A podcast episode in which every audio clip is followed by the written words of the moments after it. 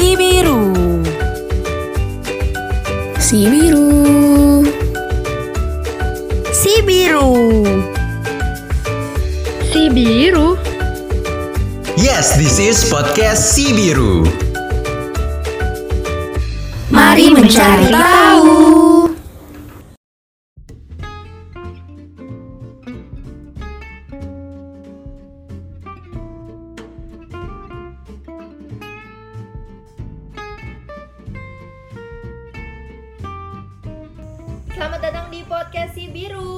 Mencari tahu. Halo halo semuanya, Sabi yang ada di rumah. Apa kabarnya nih semuanya? Aku harap Sabi yang ada di rumah juga baik dan sehat kayak member-member yang ada di sini hari ini. BTW, hari ini yang nemenin kalian di rumah bukan cuma mata saya. Karena kita kedatangan tamu spesial. Yeay!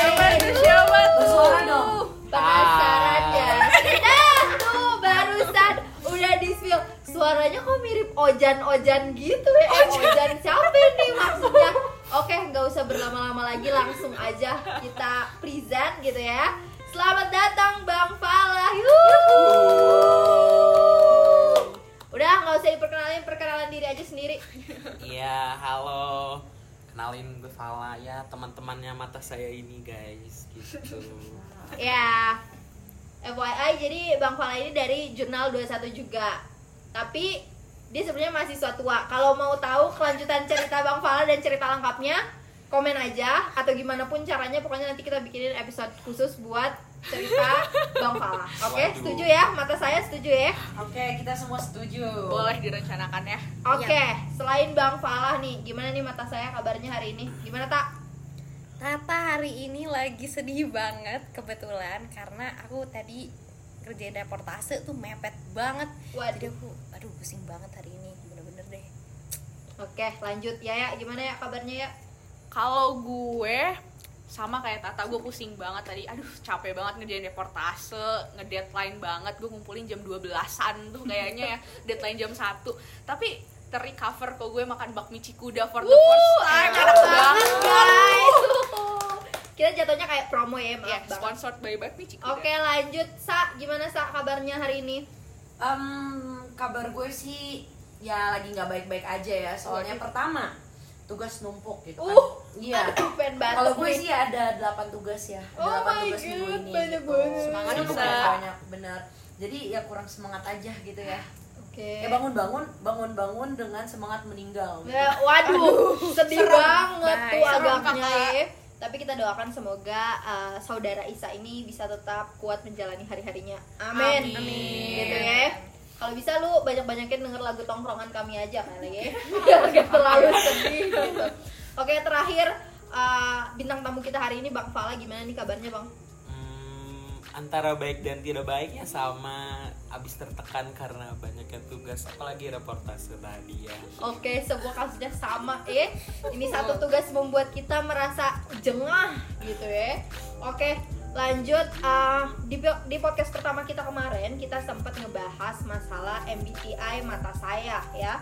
Ah, jadi di episode kali ini kita akan khusus membuat episode yang membahas tuntas nih tentang MBTI kita masing-masing plus MBTI bintang tamu kita hari ini. Oke, sebelum kita berlanjut lebih jauh, pastikan kalian uh, duduk manis, siapkan camilan, wifi-nya harus kenceng atau kuotanya harus kenceng supaya nggak lemot ngedengerin suara-suara manja kita malam ini. Betul Gitu banget. ya. Oke, sebelum kita beranjak lebih jauh, nanya dulu nih. Ngomongin MBTI, emang ada nih yang tahu arti MBTI itu apa? Gue nggak tahu, gue nggak tahu sama sekali. itu apa ya itu kepanjangannya ya? Mayor, sih Mayor apa sih? Gue lupa Mayor Bridge, Mayor Bridges. Oh, bukan. Jadi MBTI itu adalah singkatan dari Meyer Bridge Type Indicator gitu. Wow, tepuk tangan pada saudari Tata yang menjawab pertanyaan tersebut. Semoga nilai mata kuliahnya A. Mata kuliahnya A. Amin. Oke, lanjut. Kapan terakhir kali kalian melakukan tes MBTI? Wow. Kapan sa? gue sih gue baru banget tuh waktu kemarin minggu lalu ya tadinya itu kan gue ENFP nah terus habis itu waktu gue tes lagi ternyata ganti jadi ESTP Waduh, berubah nih.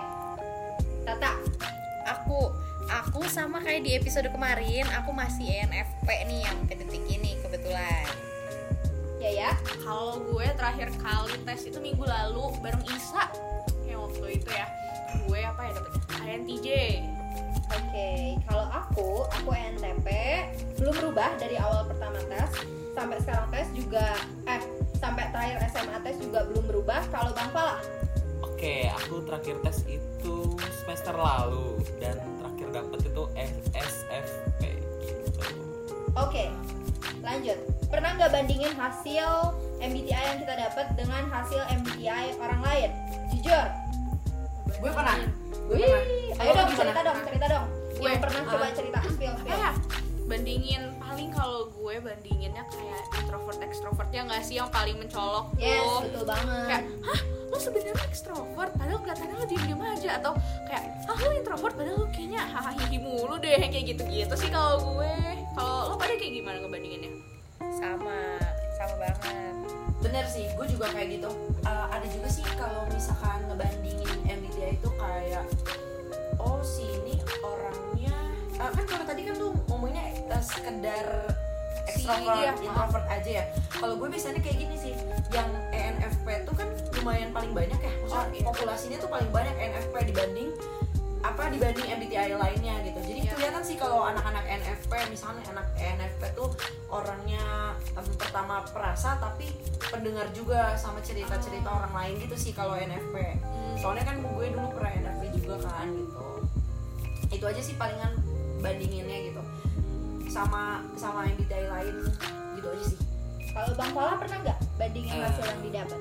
Paling pernah sama sendiri karena pernah dapat introvert sekali dan itu dapat karena apa ya lagi apa ya lagi ngejauh banget dari orang-orang kayak menjauh dan aku pun dapat ESFP extrovertnya itu cuman lebih dikit aja jadi ya aku kayaknya le- lebih cenderungnya ke introvert juga gitu sih Oke, ngerasa ada sesuatu hal yang bisa menjadi faktor uh, kategori itu berubah nggak? Kayaknya ada deh tergantung la- apa yang lagi dihadapin aja sih pas lagi tes tuh lagi ngerasa gimana sih nah itu tuh ngaruh-ngaruh juga buat uh, menjawab pas tesnya itu Pernah nggak sih ngerasa uh, anak-anak yang ekstrovert itu lebih keren gitu atau jauh lebih baik ketimbang anak-anak yang introvert? Gimana ini? Em, gue nggak pernah ngerasa lebih baik sih waktu maksudnya kan gue sebagai extrovert ya gue nggak nggak pernah ngerasa lebih baik dari introvert gitu. Oh gue ya coba gue nambahin ya. Gue dari sudut pandang introvert. Tadi gue introvert sendirian anjir di sini. nah kalau menurut gue mungkin nggak nggak kayak "Ih, superior kayak gitu. Mungkin dari satu aspek aja. Misal public speakingnya atau cara dia berkomunikasi sama orang lain. Mungkin kalau misalnya extrovert tuh kayak bisa ke mana-mana gitu sama sama siapa aja bisa sedangkan kalau introvert gue mandangnya ya kalau gue tuh merasa kayak suka awkward gitu kalau jadi nggak bisa mencarikan suasana paling kayak gitu doang sih kalau gue Oke, ada pertanyaan tambahan khusus nih untuk Yaya karena Takut Yaya banget. satu-satunya introvert di antara kita berempat gitu. Pernah ngerasa insecure nggak ketika harus disatukan dengan anak-anak yang extrovert? Insecure sih pernah ya ya ya kali orang nggak pernah insecure kan walaupun lo ekstrovert tapi tetap aja mungkin insecure sama introvert ya sebaliknya lah Iya, gitu iya. kan nah mm, tapi gue coba untuk nggak kayak gitu karena gue mikir semua orang pasti punya kelebihan dan kekurangannya masing-masing ya Asik. Waduh. Highlight tuh caption nih 2022. Terima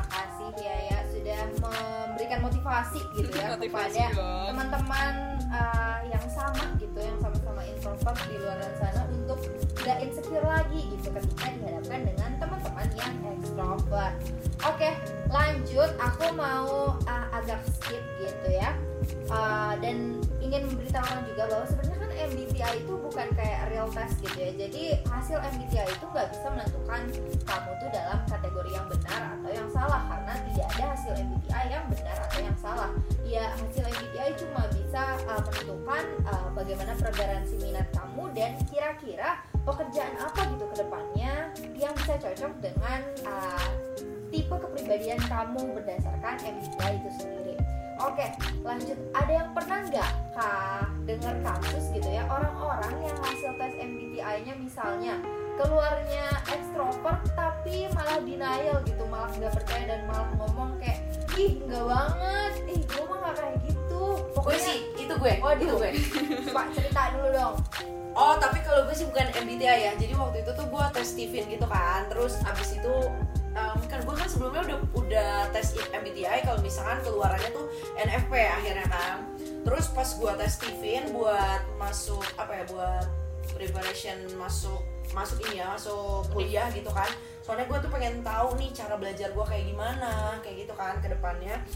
Jadi gue tes Steven ini gitu.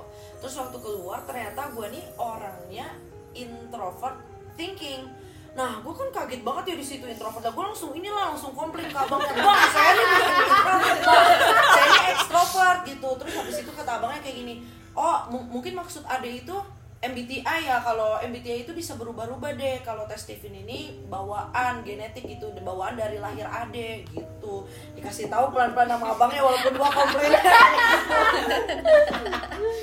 Parah banget sih.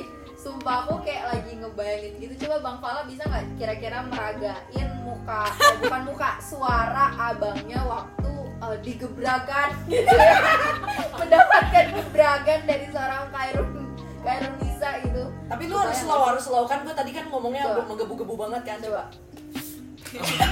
Aduh gue gak bisa tapi gue bisa merasakan perasaan abangnya sih kayak shock banget Ini kan tes ya tapi kenapa dia marah-marah Kayak dia udah mencoba sebaik mungkin untuk uh, memberitakan apa yang sejujurnya gitu ya. Terus ini anak malah kayak nyolot sendiri. Gitu kan kayak Denial ya. gitu kan. Oke uh, jadi kalau dari penjelasan Isa tadi bahwa MBTI itu bisa berubah-ubah kira-kira faktor apa aja ya yang bikin MBTI itu berubah? Terus ada nggak sih hubungan antara uh, perubahan hasil tes MBTI dengan kondisi pandemi kayak sekarang ini gitu? Yang udah berjalan lama. Hmm, kalau gue mungkin eh, tadi gara-gara pandemi ya eh, bikin gue jadi kayak introvert gitu karena em, kayak udah lama banget gak sih nggak ketemu sama orang apalagi gue tuh di Yes, rumah bener doang. lo kalau lihat Zenly gue gue di rumah itu. Gue di rumah tuh 30 sampai 40 hari 40 hari woi gue di rumah doang. isolasi mandiri iya padahal gue kenapa-napa tapi gue di rumah doang tuh 40 hari. Nah mungkin gara-gara itu tuh gue tes MBTI terus keluar introvert. Mungkin gara-gara itu ya gara-gara nggak interaksi sama orang. Terus kalau misalnya MBTI kan gak cuma extrovert introvert ya. Ada apa tuh? Thinking feeling mungkin aja kalau lo lagi ada di situasi di mana lo diharuskan untuk mikir terus sampai kayak mengesampingkan feeling lo mungkin lo bisa jadi thinking gitu kan teh. Dan sebaliknya kalau misalnya lo dihadapkan sama situasi yang harus pakai feeling terus mungkin lo bisa berubah jadi feeling daripada thinking. Menurut gue gitu sih. Oke, kalau Bang Fala sendiri menghadapi pandemi yang udah uh, dua tahun berjalan bahkan lebih ini, gimana? Ada yang dirasa berubah nggak dengan jati diri? Jati diri, kayu kali Eh, ya. Em, berubah sih karena kan ya tadi pandemi jadi jarang ketemu orang kan dan Iya. sekalinya ketemu orang tuh ngerasa apa ya capek aja gitu jadi Justru capek ya, iya malah kangen energi gitu buat ya. berkomunikasi kayak keluar langsung keluar banyak banget dan setelah ketemu orang itu tuh harus kayak banyak istirahat aja buat kayak ya nggak jadi nggak ketemu jadi kayak kalau main tuh nggak bisa banget berurutan harinya gitu loh kayak Harus ada jeda. Iya, yes, gitu. betul banget. Ih, I feel you, I feel you banget. Jadi eh, di sini kita bisa mendapatkan kesimpulan gitu ya bahwa ternyata hasil MBTI itu nggak bisa jadi hasil yang saklek gitu dan setiap orang juga pasti punya faktor uh, pemantik atau pemicunya masing-masing yang bisa bikin MBTI ini berubah atau justru stagnan dalam waktu yang lama. Oke, lanjut lagi. Apakah terhadap semua orang hasil MBTI itu akan 100% sama? Contohnya, ketika mendapatkan uh, hasil yang ekstrovert, apakah dia akan 100% menjadi orang yang ekstrovert? Pandangan kalian gimana nih? ya itu belum tentu sih kalau menurut gue karena ya yang namanya MBTI tadi juga Isa udah bilang itu kan bisa berubah-ubah ya. Ya sama juga seperti uh, kalau misalnya dapat ekstrovert belum tentu dia 100% ekstrovert mungkin aja kayak kita juga namanya manusia ada waktu di mana kita perlu menyendiri di mana itu kan gak identik sama eh, sifat umumnya dari ekstrovert gitu kan. Yang mana maunya bergaul party dan segala macam. Tapi kan kita mungkin punya waktu untuk capek untuk tidur untuk pengen aku pengen sendirilah gitu. Jadi nggak mungkin sih 100% banget karena emang namanya manusia ya pasti bisa berubah lah tergantung sama eh, situasinya tergantung sama apa yang sedang kita hadapi gitu loh gitu sih kalau menurut gua Yes, betul banget sih. Aku juga ngerasa ya di uh, semester 2 dan semester 1 kemarin khususnya selama kuliah, aku ngerasa bahwa uh, hasil MBTI aku walaupun menunjukkan aku tuh anak yang ekstrovert, tapi ya sama kayak Bang Fala tadi, aku nggak bisa kayak tiap hari Senin, Selasa, Rabu, Kamis, Jumat, Sabtu tiba-tiba main terus. Gitu tuh nggak bisa gitu. Jadi kayak memerlukan waktu jeda untuk bisa ketemu orang lagi, untuk bisa interaksi lagi. Dan kadang aku akhirnya merasakan dunia yang baru gitu. Dunia yang sebelumnya menurut aku ini enggak aku banget gitu. Diem di rumah tuh bukan aku banget. Tapi selama pandemi akhirnya aku merasakan bahwa ternyata jadi orang introvert tuh ada enaknya juga gitu ya. Wow semoga Sabi di rumah juga uh, selama pandemi ini bukan cuma dapat ngeluhnya tapi bisa juga dapat uh, hikmah lain gitu bisa dapat pengetahuan baru mengenai dirinya sendiri maupun lingkungan sekitarnya Oke, ditambah corona kebiasaan kita jadi berubah, hasil tes MBTI kita juga bisa jadi berubah karena uh, ya karena pandemi ini gitu ya yang merubah kebiasaan kita. Lanjut nih, ada yang pernah uh, temennya atau bahkan diri sendiri nyocok-nyocokin hasil MBTI sama hasil MBTI temen untuk dipasang-pasangin gitu nggak? Kayak zodiak gitu loh, jadi kayak kalau zodiak tuh ada kayak kalau cewek cocok-cocokan sama apa ya. gitu terus kalau MBTI misalnya aku eh, ENTP jangan dekat sama cowok yang apa kodenya misalnya gitu Oh, gue pernah, Nah, gue pernah, gue pernah Gimana tuh? nyocok-nyocokin nih ya.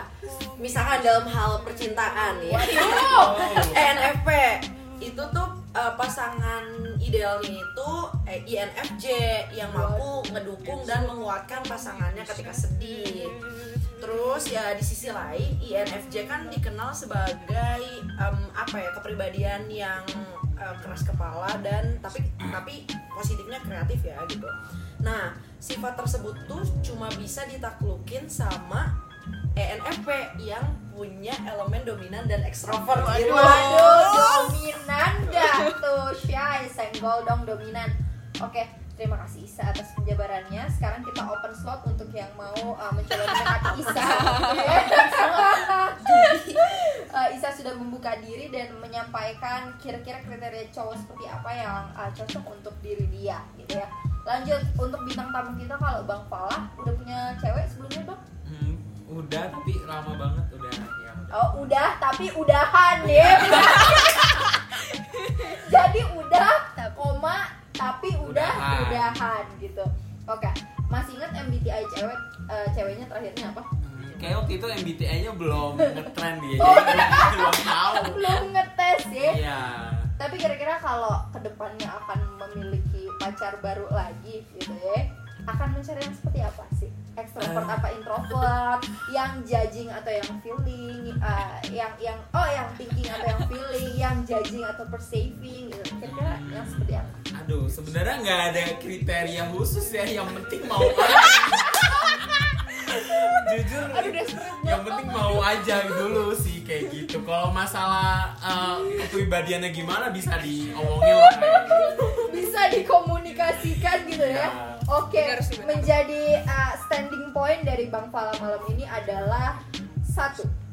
Satu dua tiga yang penting mau aja gitu ya. Bisa karena kalau pada dasarnya tidak mau nggak bisa berlanjut Iya, gitu ya. Jadi buat apa juga gitu.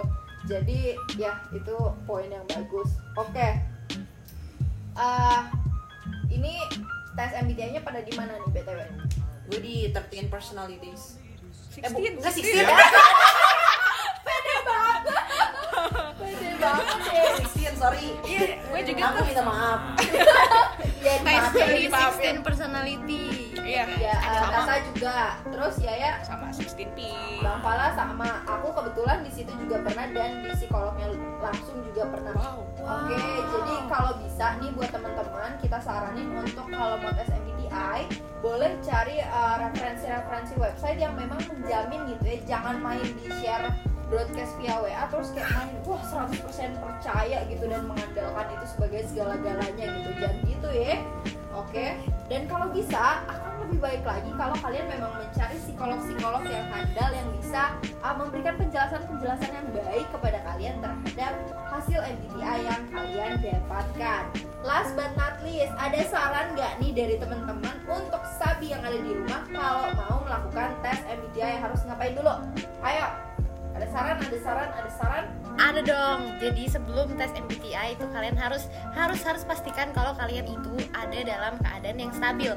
Maksudnya kalian nggak lagi dalam mood swing atau kalian lagi oh, sedih banget abis nangis terus tes MBTI itu tuh jangan karena itu tuh bisa mempengaruhi hasil tes kalian banget. Jadi diusahain kalian itu lagi yaudah lagi biasa aja gitu loh. Lagi tidak terpengaruh oleh emosi gitu. Oke dari Yaya ada tambahannya? Hmm, kalau gue mungkin gini, kalau misalnya pasti di otak lo pasti punya ada uh, tipe ideal. Diri lo tuh gimana sih tipe ideal lo? Oh, gitu kan. iya. Nah, di ada mungkin ada pertanyaan gini. um, lo itu sebenarnya um, lebih ke burst of energy atau orang yang konstan. Nah, mungkin di uh, apa tipe ideal lo itu adalah yang konstan tapi sebenarnya ke- kenyataannya lo adalah burst of energy ya udah lo jawab burst of energy aja gitu jangan um, ya udah be true to yourself aja gitu pas lagi ngerjain harus jujur ya yes Oke, jadi uh, itulah beberapa tips and trick gitu ya buat teman-teman sabi yang ada di rumah kalau mau melaksanakan tes MBTI. Intinya jangan uh, mengisi tes MBTI berdasarkan apa yang ideal buat kalian, tapi isilah serealistis mungkin gitu ya hasilnya. Buat Betul. Mbak Isa ada tanggapan Mbak Isa? nggak ada udah Buat Bang Fala ada tambahan Bang Fala? Nggak ada sih ya. Kalau mau ngerjain tes pastikan anda punya waktu luang orang bertanya banyak coy. Jangan lagi dikejar deadline Iya, gitu ya karena itu bisa berbahaya gitu ya. Jangan pas lagi ngerjain deadline kalian belum beres gitu. Jangan banget gitu ya. Oke terima kasih Sabi yang ada di rumah karena udah stay tune dari awal sampai akhir. Yeay kita berikan tepuk Yeay. tangan Yeay. Banget kita juga mau ngucapin terima kasih banyak nih mata saya mengucapkan terima, Terima kasih, kasih. Terima Bang kasih. Bang Fala. Sudah hadir di podcast kita hari ini dan jangan lupa untuk kalian selalu follow dan pantengin akun sosial media Si Biru dengan cara follow Instagram media Si Biru TikTok at mediasi biru YouTube at Sibiru TV dan podcast Spotify di podcast si biru mata saya plus Bang Falah jadi mata saya lah. Pamit undur diri. Bye, Bye.